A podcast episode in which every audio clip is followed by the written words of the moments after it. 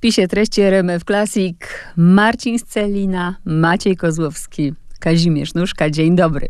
Dzień, Dzień dobry. dobry. Trzecia część książki, zanim wyjedziesz w Bieszczady, Nocny Pociąg. Wiem, że jesteście w trasie. Od jak dawna? No ja jestem kierowcą, to się wypowiem. Wiozę Kazia i Maćka. Y, przez część trasy nawigował Kaziu później e, macie. Najprzyjemniejszy element trasy to była droga e, z Leśniczówki w Rabskiej Dolinie do Beligrodu.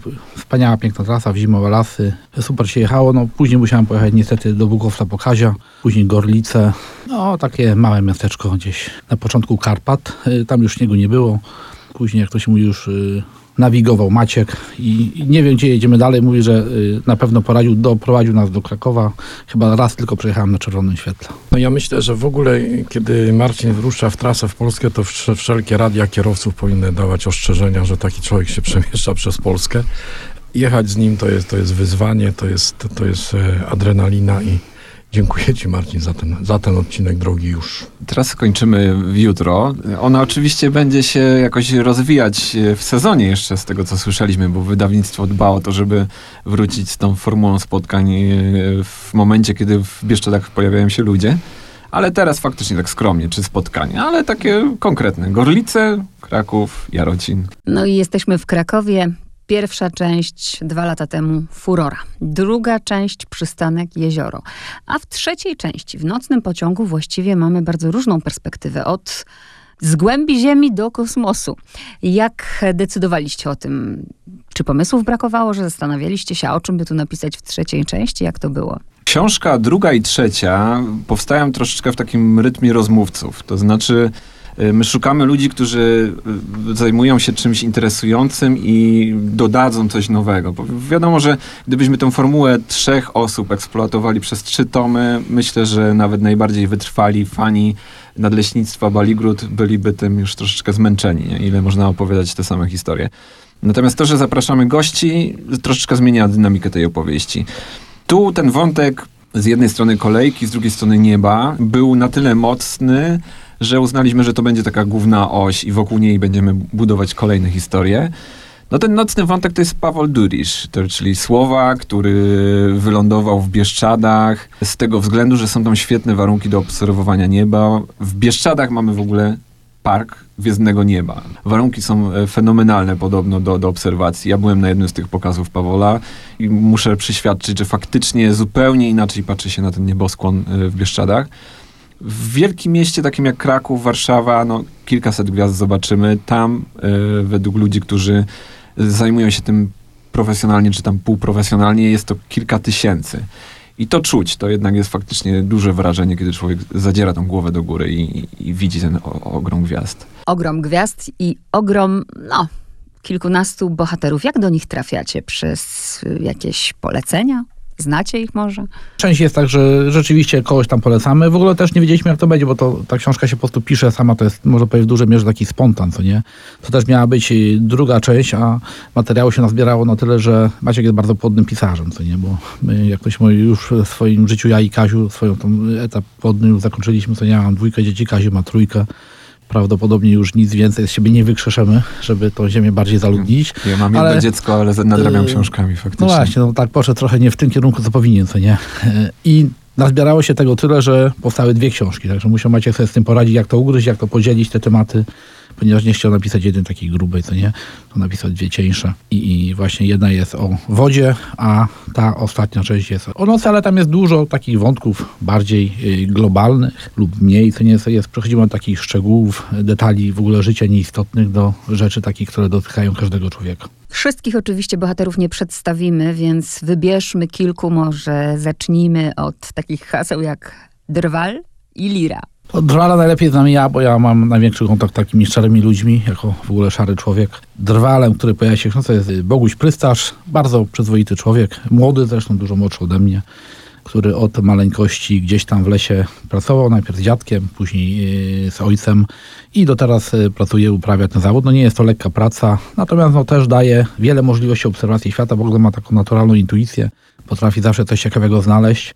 Zresztą bardzo szybko się uczy i ja mówię Bogdan Boguś, bo nie Bogusław, żeby mnie gdzieś tam później nie opierniczał e, w żywym świecie, że przechrzciłem go na Bogdana. E, Naturalną skłonność do wyszukiwania właśnie ciekawych rzeczy.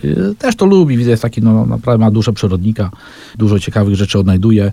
Jak nie wie, to się pisze mi, wysyła zdjęcie, coś tam później razem szukamy, a, a mieszka w ładnej okolicy, wychował się w ogóle w takiej ciekawej części Bieszczadów, niższej okolice Zachoczewia, dokładnie pod skała. Naprawdę warto tam y, zajrzeć, pochodzić i popatrzeć, jak wyglądają tak, takie Bieszczady jeszcze użytkowane gdzieś tą rolniczo-pastersko. No, ponieważ jesteśmy w RMF Classic, no to może pójdę takim kluczem muzycznym, w- tak wypada. Jedną z takich postaci, która się u nas pojawiła, to jest Janusz Demkowicz, e, basista zespołu Touhaje, który no, z Bieszczadami jest bardzo mocno związany od początku 2000 lat, kiedy zaczął taką swoją działalność, powiedzmy, agroturystyczną, ale równolegle był muzykiem właśnie Touhajów. Całkiem sporo sukcesów odnieśli w tamtych czasach. A ostatnio wypłynęli znowu dzięki serialowi Wataha, do którego pisali piosenki, więc y, stąd mogą być kojarzeni. Ze swoją żoną prowadzą taką działalność, która no Bieszczadom dodaje jakiegoś innego wymiaru. Pokazują jak, jak tą przeszłość fajnie odświeżyć i, i nadać jej jakiś nowy rys, tak żeby dla, dla ludzi, którzy tam przyjeżdżają było to ciekawe. To jest jeden wątek. Stanisław Nogaj, no w ogóle świetna postać, człowiek, który zajmuje się budową lir korbowych, takiego ins- ta młodość wzięła się troszeczkę stąd, że my mamy takie przekonanie, że ludzie starsi mają coś do powiedzenia. Nie? I jakby wszyscy jesteśmy do tego przyzwyczajeni. Oczywiście ten bagaż doświadczeń zawsze pomaga. No, tak jak rozmawiamy z Kaziem, to przez to, że ta, ta perspektywa Kazia funkcjonowania w, leśnictwie od lat 80. do teraz, to jest niesamowity przekrój. No, ni, nigdy Marcin nie, nie odtworzy ta, ta, takiej, takiej powiedzmy ciągłości Zresztą i zmienności. Maciek w ogóle do Kazia mówi czasami tato wręcz, y, coś tam y, próbują opowiadać. Natomiast no, teraz jest tak, że, że ci młodzi ludzie bardzo często nabierają bardzo dużej świadomości i zbierają wiedzę od młodych lat i, i tak jak ze Staszkiem Nogajem, który no, po prostu o lirze korbowej może opowiadać godzinami. No, po prostu ciężko było przerwać to spotkanie, ponieważ co chwilę pojawiały się kolejne wątki, których ja nie chciałem gubić. Bo Staszek potrafi świetnie opowiedzieć i o drewnie rezonansowym, y, i o samej lirze korbowej, która jest mocno związana z kulturą rusińską i z takim czasem, kiedy muzyka była pewnym nośnikiem informacji. Stąd też to porównanie do internetu. Staszek mówi, że ten lira w tamtych czasach no, była jak internet, ponieważ dziad, chodząc po, po jakimś tam obszarze, przenosił informacje po prostu ze wsi do wsi. I, i oprócz takiego no, muzycznego waloru by, był ten, ten taki informacyjny. Staszek jest jedną z takich osób, która wpisuje się w nurt takiego odgrzewania, powiedzmy, tradycji muzycznych dawnych, które w pewnym momencie były traktowane tak po macoszemu. Na zasadzie wszyscy się zachłysnęliśmy muzyką gitarową, e, wzmacniacze te sprawy. Wiem, co mówię, bo ja sam jakby wyrosłem na takiej muzyce.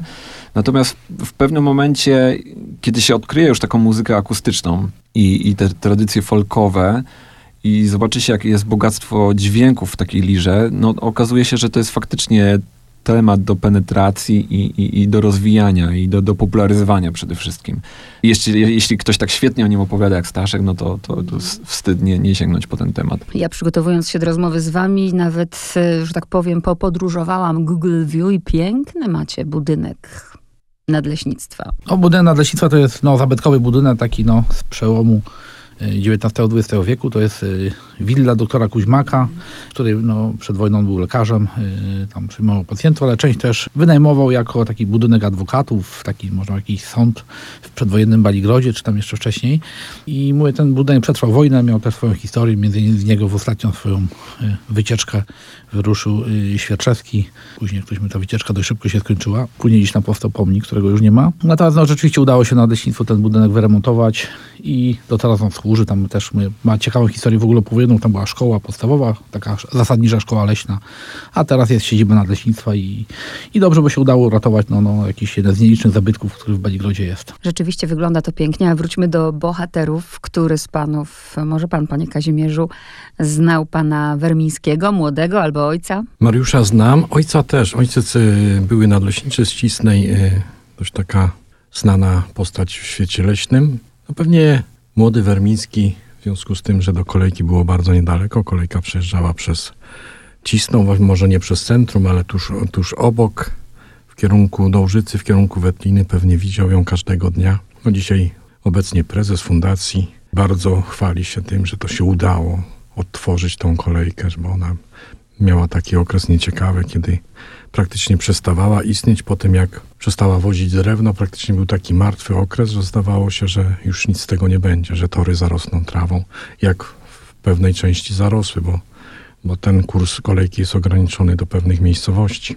I myślę, że dobrze, że taki, że taki Mariusz tam jest. To prawda i w ogóle ta kolejka zajmuje ważne miejsce w książce. Tak, i dla mnie to było ciekawe, żeby złapać właśnie ten taki społeczny wątek i, i takie funkcjonowanie tej kolejki. I to było tyle ciekawe, że Mariusz Werymiński właśnie jako dzieciak poznawał tą kolejkę i opowiadał o tym, jakie to było dla niego męczące, bo rodzice go tam wysyłali na kursy z, z dorosłymi ludźmi i ta powtarzalność chyba była dla niego wtedy męcząca. A teraz naprawdę z taką dużą, nie wiem jak to nazwać, uwagą traktuje tą kolejkę. Naprawdę ona jest bardzo wypieszczona i widać ile uwagi cały ten zespół poświęca temu, żeby ta kolejka miała swój charakter i żeby te kolejne parowozy odzyskiwały taką swoją sprawność i wygląd z czasów, y, w których faktycznie były budowane. I to czasami w takich detalach widać, bo z tej okazji też przyglądałem się różnym innym skansenom i, i różnie to bywa, trzeba przyznać, że zdarzało mi się widzieć takie perełki tej, tej, tej parowej technologii pomalowane pędzlem takim ewidentnie, jakąś farbą olejną, tak bez pomysłu zupełnie. A tam widać, że to jest z pomysłem, te, te, te kolory są dobrane i, i, i, i jest odtworzona pewna taka naj, taki najlepszy czas tej kolejki. Ale ten społeczny aspekt jest super, no, tam włącznie z tym, że chci, chętnie rozmawiałem z ludźmi, którzy chociażby pracują przy takiej codziennej renowacji tego sprzętu, bo to jest fajna ich, fajna jest ich perspektywa, nie? Takiego, takiej codziennej pracy przy tym. Oni zupełnie inaczej o tym myślą. Lucjan Latawiec, który jest takim najstarszym w ogóle pracownikiem, y, jednym z dwóch najstarszych, bo z drugim nie rozmawiałem, y, y, już jest w takim dosyć podeszłym wieku, nie chciałem go, że tak powiem, męczyć, ale pan Lucjan cały czas potrafi świetnie opowiadać o tym, jak się pojawił tam w latach 50. I dla niego to jest żywy organizm. On, on to w jakiś zupełnie inny sposób rozumie. Dla niego to jest, ta opowieść jest bardzo zmysłowa. O, może tak bym to określił. A teraz pytanie do pana Marcina, do pana Kazimierza. Co was denerwuje w turystach? Może Kaziu powie pierwszy, bo y, zna jakoś w dłuższej Ja trzeba perspektywie uważać, nie? czasowej ten ruch turystyczny. To też zależy, który raz ci ludzie przyjeżdżają w Bieszczady, bo no, ciągle zdarzają się tacy nowicjusze, którzy, no myślałem, że już takich ludzi nie ma, ale okazuje się, że są, którzy w Bieszczady przyjeżdżają po raz pierwszy. Maćku mówisz? Pewnie zaskoczeni czasem, a jak wracamy do tematu kolejki, no wsiadają do tej kolejki, okazuje się, że jadą kilkanaście kilometrów lasem, po prawej, po lewej stronie drzewa. Widoków nie ma, nie ma niedźwiedzi, nie ma żubrów. Nie wiem, czy są zaskoczeni tym, że może miało być ciekawiej, ładniej, że może tam miały gdzieś paść się żubry, czy przebiegać niedźwiedzie lub chmary jeleni, a może jakieś widoki na połoniny. No z tym jest problem. Te, te trasy kolejki akurat e, są, że tak powiem, nie dają takiej, takie, takiego przeżycia właśnie widoków, ale sprawa rozwojowa, fundacja się rozwija i myślę, że jak powstaną dłuższe linie, to wtedy przynajmniej w kierunku Wysokich Bieszczadów, że, że Ale wciąż nie mam odpowiedzi, co was denerwuje w turystach. Kaziu się rzadko denerwuje, także ja jestem takim bardziej tego. No, różni są turyści. To jest, są te czasy, jak mówię, stała się moda, nawet mówię, czasy tej pandemii, kiedy ludzie nie mogli jeździć za granicę i tak naprawdę w Bieszczadach szukają czegoś, czego tam y, nie znajdą, bo teraz ludzie coraz częściej domek, jacuzzi, czy jacuzzi, nawet nie wiem jak to się powiem, że to, nigdy w czymś takim nie byłem. Jakieś baseny, wymagania, nagle jakby chcieli, y, mówię, no po co jechać w Bieszczady, jak chcemy mieć rzeczy, które mamy w mieście, co nie? I to jest ten problem nawet tych przyjezdnych. Ludzie uciekają od miasta, ale chcą mieszkać na wsi jak w mieście. To jest największy problem, bo tak ludzie naprawdę nie wiedzą, czego chcą. I, i, i zaczyna się robić nieciekawe, bo tak, no, zaczyna być teren przeinwestowany. Ta zabudowa ma charakter chaotyczny. Jak popatrzymy na to, co tacy ludzie budują, to, to obecne budownictwo bieszczackie no jest katastrofalne. Nie ma jakiegoś ani stylu, ani ładu, ani składu. Mój jeden ma do, dach z trawy, jeden z jakiejś y, blachodachówki, jeszcze inny z jakiegoś gruntu. I mamy, jak to się w miejscowości sześć domów i każdy jest budowany nie w innym stylu, a każdy jest zbudowany bez jakiegokolwiek stylu. To, nie, no, to, to jest problem taki no, chyba e, najważniejszy, ale turyści są różni, są sympatyczni, są mniej sympatyczni, są tacy, co e, zrobią gdzieś, jak to się mówi, troszkę e, syfu czy brudu. A są ludzie, którzy powiedzmy posprzątają. To Nie no tak jak jest wszędzie, ale jakoś staramy się z każdymi żyć i mówię, nawet czasami musimy napomknąć. Takie też historie są gdzieś, jak ktoś tam śledzi nasz profil na Facebook, to wie, że gdzieś czasem się pojawią jakieś śmieci, nawet dzięki internetowi uda się dotrzeć do sprawcy i stara się jakoś zadośćuczynić swojej, chwi- mam nadzieję, chwilowej słabości, że coś gdzieś porzucił i nie zadbał o to. A teraz takie pytanie, na które właściwie nie ma odpowiedzi w tej książce, ale zaskoczona jestem, że bohaterowie są naprawdę młodzi i wiem po przeczytaniu, że nie wszyscy z dziada, pradziada stamtąd pochodzą. Niektórzy taki sposób na życie wybrali, ale czy, czy każdy może tak zdecydować? Czy naprawdę trzeba mieć jakieś zaplecze finansowe? Bo bez tego, no niestety, nie ma pracy w Bieszczadach. No to jest taka przestrzeń dla self-made menów, czy self-made woman. Kwestia tego, że faktycznie trzeba mieć bardzo dobry plan, według mnie, żeby w takim miejscu funkcjonować. Bo, bo oczywiście w Krakowie jest tak, że są oferty pracy, człowiek się zgłasza, jedno, drugie, trzecie miejsce, w końcu coś znajdzie. Natomiast tam trzeba przyjechać i bardzo dobrze wiedzieć, jak się będzie zarabiać w tym miejscu, jakby jaki się ma plan. I nawet nie wiem, czy to jest kwestia mm, tych finansów, bo wydaje mi się, że jakby kupienie mieszkania w wielkim mieście to jest, to jest duży wydatek, i, a kupienie ziemi i wybudowanie czegoś w takim miejscu jak Bieszczady może być wbrew pozorom porównywalne, więc to jest kwestia tego kredytowania i tak dalej, i tak dalej. Więc wydaje mi się, że to jest bardziej historia o odwadze, o tym, że ktoś podejmuje taką decyzję, że- chce mieszkać w takim miejscu, w którym jest blisko przyrody i w pewnym sensie poświęca się takiemu e, zarobkowi związanemu z turystyką, nie? który też ma swoją specyfikę. Nie? Bo w pracy w mieście idziemy na ósmą, wychodzimy o 16. Wiele jest takich zawodów, nie? Natomiast jeśli zakłada się jakąś agroturystykę czy astroturystykę, jak, jak e, e, Edyta i, i Pawol, to jednak trzeba się liczyć z tym, że to jest praca od no, 24 godziny na dobę. No, nie ma się co oszukiwać. I, jedyny czas, kiedy można odpocząć, to wtedy, kiedy się po prostu z tych Bieszczadów wyjedzie i zostawi e, taki, taki dom pod opieką kogoś e, zaufanego. Ale to też jest tak, e, mówię, że no, mimo wszystko trzeba szukać takich normalnych, szarych zaj, no jak Janusz Magda, oni są też nauczycielami, co nie? My też, my, Kaziu też gdzieś tam ma domek, ale też jest leśnikiem, co nie? No trzeba mieć też takie normalne, szare zajęcie, to nie przyjadę w Bieszczady i nagle będę super bohaterem, bo będę lepił garki albo coś, no takie ludzie mają często e, podejście, ponieważ no to, to jest specyficzny, ten jest rok lepszy dla, dla branży turystycznej, a mimo wszystko tak naprawdę, no sama branża turystyczna jest pusta, jak zaczniemy robić coś sztucznie, a to jest, y, mówię, zwłaszcza w dużej mierze, no przyjeżdżają ludzie gdzieś ze świata, coś zaczynają robić i mówią, że to jest jakieś tam bieszczackie, a tam nie ma ciągłości takiej kulturowej. Dla mnie to wszystko tak trąci taką sztucznością wolę ludzi, którzy tam mieszkają powiedzmy dłużej, coś robią, powiedzmy gdzieś pracują normalnie i przy okazji gdzieś tam dogrzebują się do jakichś ciekawych zajęć i wypracowują coś fajnego. Y, Natomiast no, no tak mu przyjechać i nagle od nikogo, no to, to często się kończy niepowodzeniem, to nie. A pytanie podchwytliwe, jesteście przyjaźni dla nowych? Myślę, że tak, że, że większość, zdecydowana pewnie większość miejscowych tak przychylnie patrzy, aczkolwiek też ci nowi i, no, muszą się dostosowywać do, do, do tubylców, nie? Różnie to z tym bywa, bo czasem coś ich drażni, gdzieś tam kupią działkę, zbudują domek, okazuje się, że gdzieś tam przejeżdża ciągnik, który zrywa drewno, hałasuje wcześnie rano. Bywa, że latem już o czwartej zrywają się do, do pracy. Jakaś tam maszyna, czy jakiś kombajn, aczkolwiek już rolnictwo w Bieszczadach praktycznie zanikło, ale gdzieś jeszcze, gdzieś jeszcze tam, że tak powiem, e, zapach obornika się może nieść po, po, po wiosce, czy po tych okolicach wioski. No trzeba, trzeba się z tym liczyć i wiedzieć, że nie zawsze będzie pięknie, ciepło i będzie świecić słoneczko i będzie przyjemnie. No, tak samo jak w Wilno jest wypasowiec, są psy, no to trzeba się liczyć, że psy oszczekają człowieka i nie wchodzić za tego pastucha, to jest nagminne. No, ludzie myślą, że no, wszędzie można wejść, wszystko można dotknąć. Natomiast no, tracą taki no, no, elementarny jakiś no, no, no, hamulec, że no, nie wszędzie się wchodzi. Bo jak jest pasą się owieczki, to nie podchodzą do nich, bo tam będzie pies pasterski. To nie były takie historie, że gdzieś tam pies no, hałknął czy ugryzł, no tego ten pies tam jest żeby tych owiec pilnować, a nie, że ktoś mówi, tato z y, mamą wzięli y, swoje jedno, jedyne dzieciątko i koniecznie chcieli zrobić mu zdjęcie z małą owieczką, co nie, gdzieś tam na pastwisku, co nie, jak nie, to się jedzie do jakiegoś zoo i tam takie rzeczy robi. Natomiast no, ludzie no, często są dość tak oderwani od, od, od takiego właśnie szarego życia i bardzo często Czyli widzę, właśnie- że Martin jest dość mało przychylnie Tak. nastawiony do przybyszów. No przyjemny? Nie, ja to jestem wręcz bardzo przyjemny. Mieszkam w takim miejscu, że no, ludzie często, ja głównie widuję właśnie przyjezdnych, a nie miejscowych, ponieważ moja wioska, gdzie mieszkam, jest bardzo malutka, to jestem tylko ja i moja żona oraz dwie córki, także nie ma chyba człowieka, który mieszka w większym odosobnieniu od, od innych. No i specjalność pana Marcina Sceliny w każdej z tych książek, czyli rośliny. Nie sądziłam, że tak zaintryguje mnie nasiężał. Opowiedzmy tę historię. Myślę, że to Maciek opowie. No tak to jest, że ludzie rośliny do różnych celów wykorzystywali. No rośliny podobne, no w różnych roślinach można się dopatrywać, podobnie są no, kwiatki, jakieś pyłki, pręciki i tak dalej. Tak samo mamy właśnie nasień żała, to jest y, taka y, ciekawa roślina y, psylotowa, czyli zaliczana taki, no bardzo można powiedzieć, no, no pierwotnej grupy roślin. Kiedyś tam zaliczano do paproci, ale po tych nowych badaniach taksonomicznych okazało się, że to jest jeszcze inne tam y, odgałęzienie.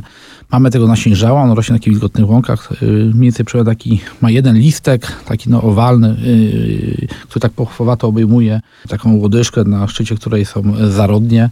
No i ludzie, no jakoś to sobie mo- może im się kojarzyło, może sobie jakoś tam to uzmysławiali, że powiedzmy kobieta, która no nie ma brania, że tak powiem, na wsi, jak pójdzie w noc przesilenia letniego, gdzieś na tej łące, na której rosną te nasiężały, wytarza się w tym zielu, to powiedzmy y, może mężczyźni na nią y, powabniej y, spojrzą. No i musiała tam wypowiedzieć odpowiednie zaklęcie, które gdzieś tam spisał Gloger zresztą tutaj właśnie w Małopolsce. On to gdzieś tutaj mówię spisywał na tych terenach y, i, i, i tą przyśpiewkę ludową na śnieżale, na śnieżwale, rwę cię śmiale, całą y, pięciopalców, całą dłonią, niech się chłopcy za mną gonią. Po podwórzu, po oborze, dopomagaj Panie Boże. Także nie tylko moc nawet tego ziela, ale również Pana Boga była potrzebna, żeby jak to się mówi, ci chłopcy się gonili po podwórzu i oborze. My się tu śmiałyśmy z koleżanką, kiedy opowiadałam jej tę historię przed nagraniem, że no trudno, żeby wtedy nie miała brania, skoro nago się tarza w roślinie. Chociaż w Bieszczadach, no nie wiem, ale no właśnie, no ktoś może widzieć. W nocy jest ciemno, także No naprawdę. ale zaraz, tam jest bardzo gwiaździste niebo. Ja sobie wyobraziłem właśnie tą y, to niebo właśnie rozwieżone. No to przejdźmy od nagiej kobiety tarzającej się w nasię żale do słów. Bardzo ciekawy rozdział, naprawdę. Maciek. Kajetan Duel jest, był w tym czasie y, podleśniczym u Stażystą. Marcina. Stażystą wtedy jeszcze, tak, bo to dynamicznie się u Kajetana rozwija kariera leśnicza. Ze względu na to, że Kajetan prowadził badania słów bieszczadzkich, próbował ustalić ich populację, chodziło głównie o puszczyka zwyczajnego i uralskiego. Y, Dwa zbliżone y, gatunki, które rywalizują ze sobą na podobnym terenie. Okazuje się, że w Bieszczadach, które mają taką górską specyfikę swoją, to y, uralski puszczyk jest bardziej liczny, choć w Polsce najbardziej liczną osobą jest y, puszczyk zwyczajny. No i Kajetan tam nocami po prostu y, jeździł po okolicy, ustalał siatkę, żeby mniej więcej zmapować sobie rozłożenie tych słów. Przy okazji miał trochę wiedzy i obserwacji, więc no, był idealnym rozmówcą do tego tematu. Nawet nie wiedziałam, że tyle rzeczy zapamiętam, jakie te sowy są, no, potrafią być naprawdę bardzo groźne, jeśli chodzi o obronę swojego maleństwa. Tak, potrafią być nawet agresywne w tym czasie do, do ludzi, w stosunku do ludzi. Kajetan mówi, że no, też miał, taką, tak, miał takie sytuacje i one zawsze wiązały się z tym, że sowa nie jest agresywna sama z siebie, tylko broni gniazda z młodymi, więc y, to zawsze wiązało się z tym, że podchodził zbyt blisko i dostawał sygnały ostrzegawcze. Najpierw dźwiękowe, a zdarzało mu się, że tam jakieś podloty takie też bardziej agresywne się zdarzały. No to teraz Kuba Kulesza, fantastyczny bohater. Tak, Ku- Kuba Kulesza to jest w ogóle ciekawa postać i on jest w ogóle, tak się zastanawiałem, czy faktycznie się fajnie wpasuje w tą opowieść, ponieważ on jest z zupełnie innego świata. Natomiast żyjemy w takich czasach, że wydaje mi się, że będziemy szukać już niebawem różnych rozwiązań na różne problemy i te rozwiązania paradoksalnie będą się znajdować w zupełnie innych dziedzinach niż się spodziewamy. A Kuba Kulesza związany z grupą roboczą, taki krakowska e, inicjatywa, jest jedną z osób, która rozwija takie myślenie utopijne, ale w takiej mikroskali powiedzmy, czyli rozwiązywanie małych problemów nie? i myślenie o przyszłości. To są takie tematy, które będą do nas coraz częściej wracać. No w tym kontekście w ogóle punktem wyjścia było to, że Marcin i Kaziu no, zdobyli sławę dzięki Facebookowi, dzięki internetowi. To jakby nigdy tego wątku nie rozwijaliśmy, bo zawsze wygrywa to, że Bieszczady są dzikie i tak dalej. Ale to jest ta opowieść, która się dzieje już po, że tak powiem, zauploadowaniu tych materiałów. Natomiast, żeby to było możliwe, no to potrzebna była ta zmiana infrastrukturalna i ta technologia, która no, dla mnie to znowu był taki ciąg skojarzeń. Kolej w XIX wieku była taką mocą sprawczą w rozwoju gospodarczym i w takim też wdzieraniu się w Bieszczady, tą kolejką wąsko- wąskotorową i zmienianiu troszeczkę tego krajobrazu. Tak samo teraz te cyfrowe technologie, one są bardzo dyskretne. My nie widzimy tych nadajników, mamy po prostu telefony ze sobą. To już jest dla nas niewidoczne. Nawet, nie myślimy o tym w tych kategoriach. ale każda nasza podróż w Bieszczady, wizerunek Bieszczadów już jest naznaczony tą cyfrowością i, i, i kolportowany dzięki narzędziom cyfrowym, więc ten wątek był dla mnie interesujący i przy okazji wyszło tam dużo innych rzeczy. No to wróćmy do tego, jak narodził się ten Facebook w Baligrodzie, w Nadleśnictwie Baligród. Czyj to był pomysł? Wspólnie z Kaziem, ja już tutaj nie chcę legać. Autorski Marcina. Jak to było właśnie? Pewnego dnia To nawet było inaczej, bo to było razu pewnego Tak. i młody człowiek, Marcin. Ja nawet za bardzo nie wiedziałem, co to jest ten Facebook cały, także że w moim wieku jak gdyby to, to e, tematy obce wówczas, że będziemy coś robić, czy będę mu pomagał, czy tam jakieś treści dawał. Mm, Nie wiem, czy obydwaj poszliśmy do szefa, to mówię, jak to było dalej, ja Tak, poszliśmy razem, także to nie, zapewne Kaziu, że może bym tak trochę uruchomił, patrzę, jest no, starszy człowiek, jeszcze chce mu się coś robić, to trzeba y, chłopu dać zajęcie i tak myślałem, patrzę, no gdzieś te różne Facebooki się rozwijają, patrzę, może byśmy i to zrobili. Zwłaszcza, że tam człowiek gdzieś tam działał wcześniej jakichś różnych takich, moje dawniej były takie fora różne, internet. patrzę, starałem się to przekuć, jak to wykorzystać w takim życiu praktycznym. To nie jest, żeby to było tylko klikanie gdzieś tam, tylko no, jak ludzi skrzyknąć powiedzmy przez internet do zrobienia czegoś takiego no, w świecie realnym. No i to głównie było takim, nie wiem, czy istnieje takie jeszcze forum Bieszczady kiedyś tam i, i gdzieś tam człowiek się pojawił, coś tam zrobił i, i później się pojawił ten właśnie Facebook. Poszliśmy z Kaziem do naszego szefa umiłowanego i, i y, przedstawiliśmy projekt. Mówi, powiedział, działajcie. Robimy to po prostu, jak mamy czas, to robimy, jak nie mamy czasu, to nie robimy. Ale no tak jakoś się staramy uzupełniać, jak jest chęć, że ktoś pomoże, no to bierzemy tam dodatkowe osoby i tak jak Kajtek, y, y, Romek Pasionek, Damian Stemulak, także bardzo chętnie się tam gardą to, że czy materiały nam podesłać, czy coś tam zrobić fajnego, także jakoś to hula widzę, jest zainteresowanie. szef młody? Tak, no można powiedzieć, y, Bo wiecie, o, dlaczego myślę, bo to też nie jest takie oczywiste, że powiedział tak działajcie. Tak, w, w, no, y, powiedziałbym w mojej kategorii wiekowej, nie Kazio, także Kaziu, no to jest głupio dla niego trochę mieć szefa dużo, dużo młodszego od siebie, co nie, no ale musi się słuchać, co nie, ja też jestem jego przełożony na Facebooku, także to nie może sobie tak wrzucać, że na przykład 10 niedźwiadków dziennie, tylko mówię, Kaziu maksymalnie 9, co nie. Marcin powiedział, że, że pracujemy, robimy. To już na chwilę obecną tak wygląda, że on jako szef Facebooka Baligrodzkiego to już mało robi po prostu. No, słuchacze już, mam nadzieję, rozpoznają wasze poczucie humoru. Patrzę też w tej książce na cudowne zdjęcia. Panie Kazimierzu, bardzo ładne zdjęcie. Podoba się pan tutaj sobie?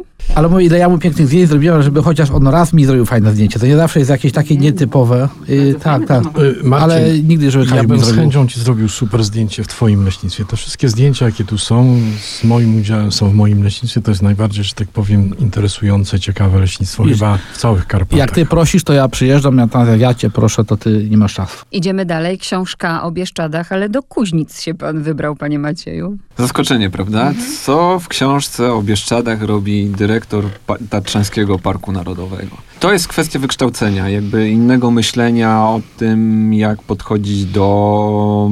No właśnie do czego? Do przyrody. Wydaje mi się, że, że utknęliśmy gdzieś w takiej opozycji twardej, nie? że albo mamy dziką przyrodę bro i bronimy człowiekowi dostępu do tej przyrody, i często te, te, te komunikaty y, z parków narodowych były jakiś czas temu jeszcze takie bardzo ofensywne, na zasadzie, że okej, to my bronimy, nie wiem, ptaków i człowiek jest taki oskarżony od razu w jakby w tej sytuacji. Natomiast Szymon Ziobrowski, bo o nim mówimy, jest człowiekiem wykształconym w zupełnie innym podejściu. On kończył taki, taki dosyć specyficzny kierunek, który się nazywa projektowanie usług. To jest właśnie między innymi taki repertuar narzędzi wypracowanych także między innymi w, w takich dziedzinach cyfrowych, które polega na tym, że mamy pewną władzę nad tym, jak wygląda usługa, czyli interakcja między instytucją a użytkownikiem, nie? czyli w tym przypadku między parkiem a ludźmi, którzy wchodzą do parku i doświadczają tej dzikiej przyrody. Nie? To podejście, które Tatrzański Park Narodowy rozwija, polega na tym, żeby te usługi dostosować do potrzeb obecnego turysty i potraktować tę sytuację jako możliwość nauczenia czegoś ludzi i dopasowania się też do, do współczesnych realiów, co wcale nie jest takie oczywiste, nie? Bo, bo naprawdę tych postaw może być bardzo dużo. I wydaje mi się, że to jest w ogóle fajna sytuacja, żeby zobaczyć instytucję, która zajmuje się dziką przyrodą i potrafi ewoluować reagować szybko i dostosowywać się do czasów. Nie? To, jest, to jest jakby taki był główny klucz.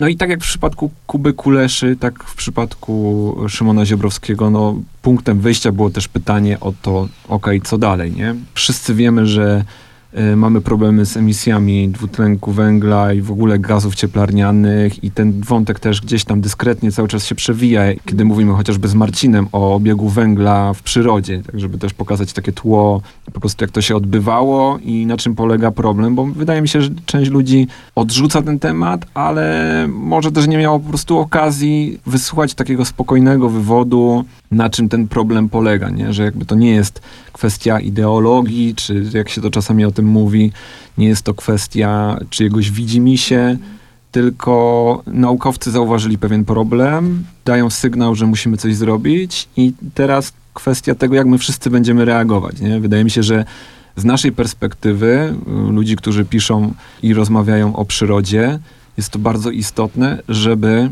w tych kategoriach zacząć myśleć i ludziom przedstawiać ten problem w taki sposób, że możemy szukać rozwiązań. Nie? I to jest projektowanie usług, to jest super narzędzie, żeby szukać rozwiązań na problemy. I tak moglibyśmy długo, długo, długo, bo przypomina mi się historia, kiedy jedzie pan na Śląsk. No właśnie, ta historia też może pokazać, czy wierzymy w przypadki, wierzycie w przypadki, czy w przeznaczenie? W różny sposób można podchodzić, podchodzić do wszechświata, także to y, najlepiej wyjaśniają współczesne teorie A tam y, fi- fizyczne, natomiast nie ma się tu co bajną. Mówię, no, Marcin, przeznaczenie, różne- przeznaczenie. różne rzeczy się, Kazi, przeznaczenie, czyli uważa, że wszystko jest już zaprojektowane. To nie. Różne przypadki się zdarzają. To Nie, no nie? mamy wpływ na No. jakieś drobne rzeczy, czy wybrać Bo to- ser na śniadanie, czy kiełbasę pod warunkiem, że jest w lodówce. A nie? może nam się wydaje, że tylko mamy wpływ, to nie? To jest bardzo skomplikowane, no świadomość jest w ogóle czymś skomplikowanym, także no, no, no, człowiek cały czas poznaje rzeczywistość. I ona się wydaje coraz ciekawsza, im głębiej się zagłębiamy, tym jest trudniejsza. Przede wszystkim do wyobrażenia sobie, to nie? Bo jak zejdziemy gdzieś tam do jakichś cegiełek, które budują naszą rzeczywistość, tak naprawdę nie wiemy, co to w ogóle jest, nie? I nie mamy za bardzo możliwości tego nadobserwacji, ponieważ gdzieś tam my funkcjonujemy na pewnym jakiś tam y, poziomie tam emergencji, czy jak to tam się nazywa. I no nie widzimy wszystkiego, co nie? I, no, Inaczej o świecie pan myśli, który jest specjalistą w ogóle od y, tego, co Tak, rośnie, inaczej. tego- A gdzie by pan, panie Macieju, 10 lat temu pomyślał, że będzie podróżował teraz w jakimś tournée z trzecią książką ze Sceliną i nóżką? No tak, to było kompletnie nie do przewidzenia. Myślę, że dla całej naszej trójki. Czyli było przypadkowe. Nie, ja powiem, że rz- rzeczywiście pewnego dnia pojawiło się dwóch przypadkowych ludzi u zwykłych, szarych obywateli gdzieś w Bieszczadach.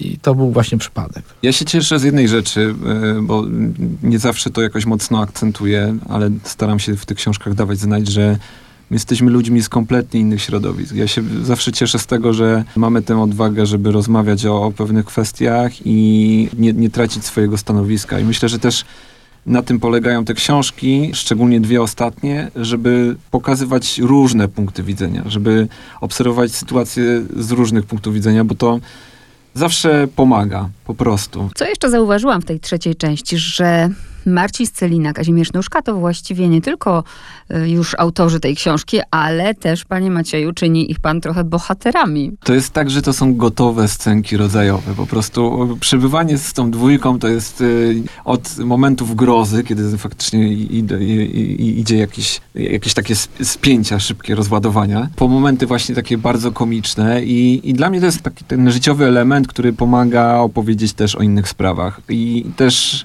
spuścić troszeczkę powietrza z tego balonu, nie? Bo często jest tak, że te tematy doniosłe czy tam ważne wpadają w taki rejestr bardzo nadęty, ale to są kwestie, o których powinniśmy też takim bardzo zwyczajnym językiem rozmawiać. No tak jak się siada przy ognisku i o czymś rozmawia, no to, to właśnie ta sytuacja z Marcinem i Kaziem. I ja bardzo lubię to, że po prostu to są ludzie szczerzy i otwarci i, i, kiedy coś mówią, to po prostu mówią dlatego, że tak myślą. I wtedy o wiele łatwiej jest Nie wiem do Rozmawiać. z Marcinem. Maciek, ja mówię tak jak jest, a nie tak jak myślę. Właśnie, a tak na serio to mieliście panowie ze sobą jakieś spięcia? Było kilka. Tym bardziej my jesteśmy jak gdyby po zupełnej o, o Znaczy, innych ja stronach powiem, barykady. ja nie także- miałem nigdy, to Kaziu czasami miała słabości. Biorę to na karb wieku, że czasami każdy może mieć gorszą chwilę, może być zmęczony. Natomiast mówię, staram się podchodzić do niego z pełnym miłosierdziem i nigdy się do niego nie obraziłem, co najwyżej byłem Mm. lekko oschły, dostrzegając jego niedoskonałości. Nie do końca tak jest, aczkolwiek no, stara się, stara się mnie nie razić w związku z tym, że mógłbym być jego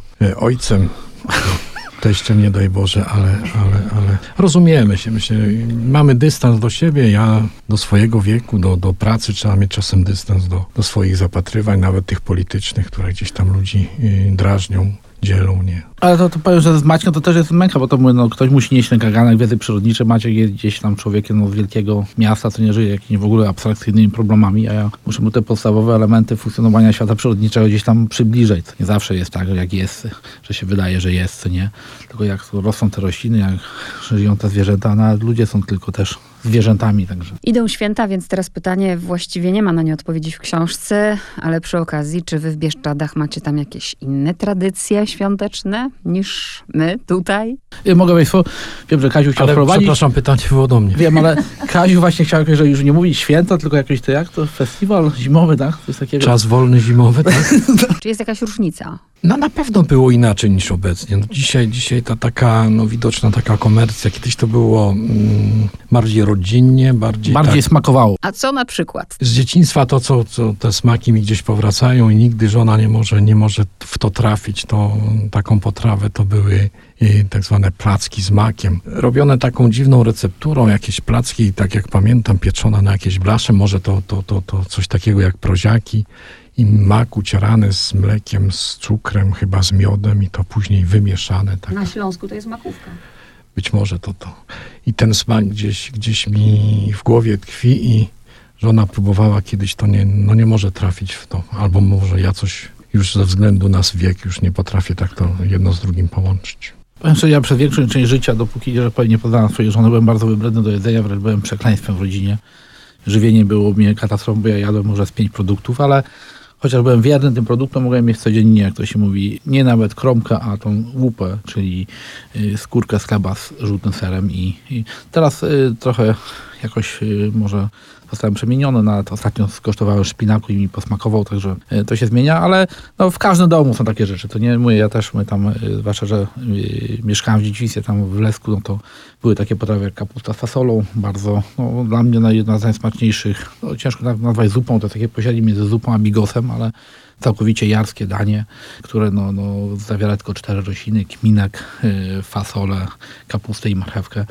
Y, no, oczywiście kapustę kiszoną. Tak to no, każdy w swoim domu takie rzeczy ma i gdzieś tam zwłaszcza z dzieciństwa pamięta i mówię, w dawnych czasach to była taka duża różnorodność tego, bo w każdym domu to coś się zawsze inaczej robiło, co nie? Nawet ogórki kiszone, jak ktoś w każdym domu smakowały inaczej, co nie? A teraz my jak idziemy gdzieś po jakichś dyskontach, marketach, no to jest no, katastrofa, bo wszystko jest takie samo, co nie? E, mnie się wydaje, że i tak w Bieszczadach jest inaczej.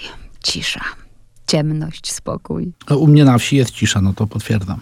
Chyba, że czasami, no, ja w ogóle cicho mówię, co nie, ale tak czasami jak żona na mnie krzyknie, to jest trochę głośniej, co nie, ale to się rzadko zdarza. Wiem, że pan Marcin ma małe dzieci, y, a pan Kazimierz już dorosły. Czy oni zostali w Bieszczadach, czy może pouciekali stamtąd? Jak to wygląda? Dzieci mam dorosłe już, dwie córki są tam blisko nas, mężatki. Jedna córka najstarsza jest psychologiem, druga córka jest leśnikiem, y, obecnie na Europie macierzyńskim czy wychowawczym już. Ale zmuszałeś do tego, żeby zostać leśnikiem? Nie zmuszałem. I najmłodszy syn, też już dorosły, porzucił rodzinne strony, mieszka i pracuje w Krakowie. Jest ratownikiem medycznym i gdzieś tu śmiga tam po, To Po ma- ma ulicy. co robić teraz? ma co robić w tych właśnie takich ciężkich, pandemicznych czasach. Dzieci wychowałem, wydaje mi się, bardzo dobrze. Marcin podobno być może się wyjawi z tym marzeniem, ale marzyło mu się zostać moim e, zięciem. Dobrze, że nie wszystkie marzenia się spełniają. Nie, rzeczywiście, jak zacząłem. Dobrze, że się y, wyszłam, y, jak to się, ożeniłem się przed, y, przed y, rozpoczęciem pracy w Nadleśnicy Baliku, bo pierwszy raz jak zobaczyłem właśnie Kazia, to zobaczyłem ten błysk, miał dwie córki na wydaniu i, i pewnie mój chciał mnie upolować. No teraz by mnie tu nie było, pewnie bym, mówi, tam szuflował śniegu niego na podwórku, bo wiadomo, zięć musi teściowi służyć, co nie. To tak często straszą tymi teścio, y, teściowymi, a tak naprawdę teść jest dużo gorszy, co nie. Czy nie daj Boże, musiałbym powiedzmy, spożywać alkohola, y, mocniej procentowe, jak ktoś mówi z teściem, nie wypada mu odmówić, co nie. Ja nie lubię, co nie. A tak jestem wolnym, szczęśliwym człowiekiem. Widuję go wtedy, kiedy chce, a nie kiedy on chce, co nie. No i to pytanie być może nielubiane, ale padnie. Jak to będzie? Ile będzie kolejnych tomów? Czy będą? My jesteśmy z Kaziem bardzo, no to Maciek mówi, że już mu się wyczerpał. No, to jest pytanie otwarte i jakby niech takie pozostanie. Mm, Może sobie zrobimy przerwę, a może nie zrobimy przerwy. No, to Pra, poprawiając ostatnią część, bo to Maciek nam daje czasami takiej cenzury, co nie robi tam poprawić, co tam jest nie tak. Napisał, że ostatni tom trylogii. A ja powiedziałem, Maciek, zmień na kolejny tom serii. Też dobry pomysł. Jeszcze kilka słów o podtytule. Nocny pociąg. Czyj pomysł? Y, Były dwie wersje. Może tej pierwszej, skoro przegrała, to nie, nie będę przypominał, ale ten nocny pociąg jakoś tak wracał cały czas. Dla mnie to też jest takie wspomnienie z dzieciństwa, bo mm, wychowałem się w Andrychowie, który jest na tej e, linii, powiedzmy, między Bielskiem a Krakowem. No to jest, to jest trakcja, która pierwotnie powstawała w tych samych czasach, mniej więcej w XIX wieku, czyli Austro-Węgry, Galicja. Ja jeszcze pamiętam z lat 80. takie w- podróże do babci, która mieszkała pod Kalwarią Zebrzydowską. I zdarzało się, że jeszcze pociągi parowe na tej trakcji jeździły, kiedy jakieś tam były problemy z taborem tym dieslowskim. I gdzieś to, to wspomnienie, jest coś takiego mitycznego w tym w nocnym pociągu, nie? To jest, to jest e, jakieś takie wspomnienie z dzieciństwa i każdy, kto wychowywał się w latach 80., ma takie wspomnienie podróży e, nocnym pociągiem, i więc traktowałem to tak bardzo metaforycznie. Nie, nie chodziło o to, że ten po, pociąg tam kursuje w nocy. E, bardziej chodziło o to, że no jest to jakaś taka podróż do, do świata, którego nie chcemy e, jakoś w tym samym tytule definiować, tylko chcemy zakreślić jakieś takie pole wyobrażeń o tym, co się może kryć w środku. Ale pytanie było, Maćku, czy to jest pomysł? Zaraz powie... Marzyłem, że powiedział, tak, to był mój wspaniały pomysł. No i na koniec zbliża się ten 2022 rok. O czym marzycie? Może niech pierwszy Kazio ma dużo życzeń. Takie pierwsze, które mi przychodzi do głowy, to żeby rodzina miała się dobrze, zdrowa była i żeby w końcu skończyła się ta pandemia, która nam tak to wszystko krzyżuje. Czasem tyle problemów przez to mamy. Ja jestem za tym, żebyśmy, i też mam nadzieję, że to gdzieś w tej książce pobrzmiewa, żebyśmy zyskali taką fajną wizję na przyszłość, po prostu mieli jakieś fajne wyobrażenie, gdzie razem zbierzamy jako ludzie po prostu, nie? Żebyśmy widzieli jakiś fajny wspólny cel, do którego możemy dążyć po prostu. Żebyśmy nie musieli cały czas się szturchać i, i, i kłócić o coś, tylko żebyśmy znaleźli taką wizję, do której jako, nie wiem, społeczeństwo, jako kontynent, jako, jako mieszkańcy Ziemi zmierzamy i wiemy, że, że to jest wartość, coś wartościowego, co chcemy zrealizować. O, to jest bardzo duże marzenie. No, ja myślę, że najważniejsze jest marzenie, że po prostu y, w pełni wykorzystać czas, który mamy, bo to mówię tak, ludzie często mówią, mają bardzo takie szumne i, wielko, i wielkie marzenia i tego, ale nie wiedzą sobie, że no, podstawa tego jest no, w podejściu do czasu, który mamy, to jest bardzo takie no, ograniczone, mówię, zamiast go trwonić na różne bezsensowne rzeczy, żeby go mądrze wykorzystywać, także marzyłbym sobie, żeby ludzie byli po prostu mądrzejsi. Marcin Scelina, Kazimierz Nóżka, Maciej Kozłowski, dziękuję. Dziękujemy. Dziękujemy.